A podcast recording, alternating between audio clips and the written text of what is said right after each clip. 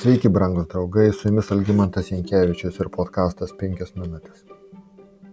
Karalius Jošijas, nors ir buvo dievo baimingas karalius, gyveno gana trumpai. Jis krito Megido mūšio laukia nesėkmingoje kovoje dėl judėjus būdamas vos 39 metų. Šventajame, šventajame rašte sakoma, Jošijui atnaujinus šventyklą Egipto karalius Nekojas leidosi į žygį prieš Karkešimą prie Eufrato o Jošijos išėjo jam pastoti kelio. Bet Nekojas atsiuntė pasiuntinius pas jį tarnamas, koks gali būti ginčas tarp manęs ir tavęs, judo karaliu. Šiandien aš žygioju ne prieš tave, o prieš karalystę, kuris su manimi kariauja. Dievas įsakė man skubėti, netrukdyk Dievui, kuris su manimi, kad jis tavęs nesunaikintų.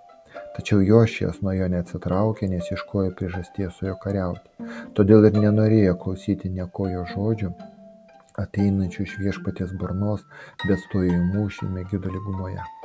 Antra metašių knyga, 35 skyrius. Žinome, kad Egipto lankininkai mirtinai sužeidė Jošiją, todėl judėja prarado ne tik karalių, bet ir nepriklausomybę, tapdama Egipto vasalė. Šioje liūdnoje istorijoje norėčiau atkreipti mūsų visų dėmesį į faraono žodžius. Dievas įsakė man skubėti, netrukdyk Dievui, kuris su manimi. Tai, kad faraonas turėjo dievišką prieškimą, patvirtina žodžiai, kad jo šies neklausė, nekojo, kiti vertimai naudojo jo vardą Nechas, žodžių ateinančių iš Dievo burnos.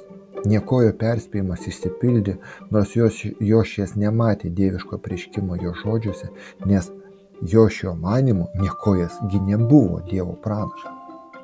Biblijoje yra daug dieviškojo prieškimo įrodymų, pateiktų tiem asmenims, kurie netarnavo viešpačiai. Dievas pasirodė Geraro karalio Abimelechui Abraomo laikais, istorija apie Sarą, kurią karalius pasiėmė savo, būdamas tikras, kad ji yra netekėjusi Abraomas sesuo. Jozapo laikais Dievas faraonui davė pranašiškų sapnų, kurie perspėjo Egipto valdovą apie siaubingą septyniarių metų badą ir leido jam pasiruošti. Dar kita istorija pasakoja apie Babilono karalių Nebokatnezarą, kuriam viešpats sapne atskleidė pasaulio istorijos eigą ir Dievo vietą toje eigoje. Persų karalius Kyras, kurį viešpats Izaijo knygoje vadina viešpatės pateptoju, vadovaudamasis dieviškoje pareiškimu, duoda pavedimą atkurti Jeruzalės šventyklą ir tarnystę joje.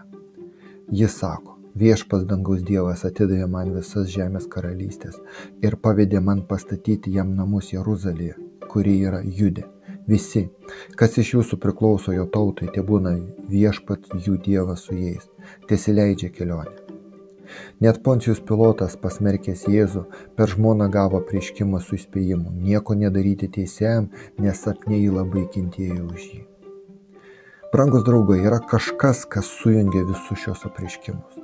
Jie tiesiogiai ar netiesiogiai susiję su Dievo tauta ir apreiškimai suteikiami tiems, kurie turi Dievo tautai galę.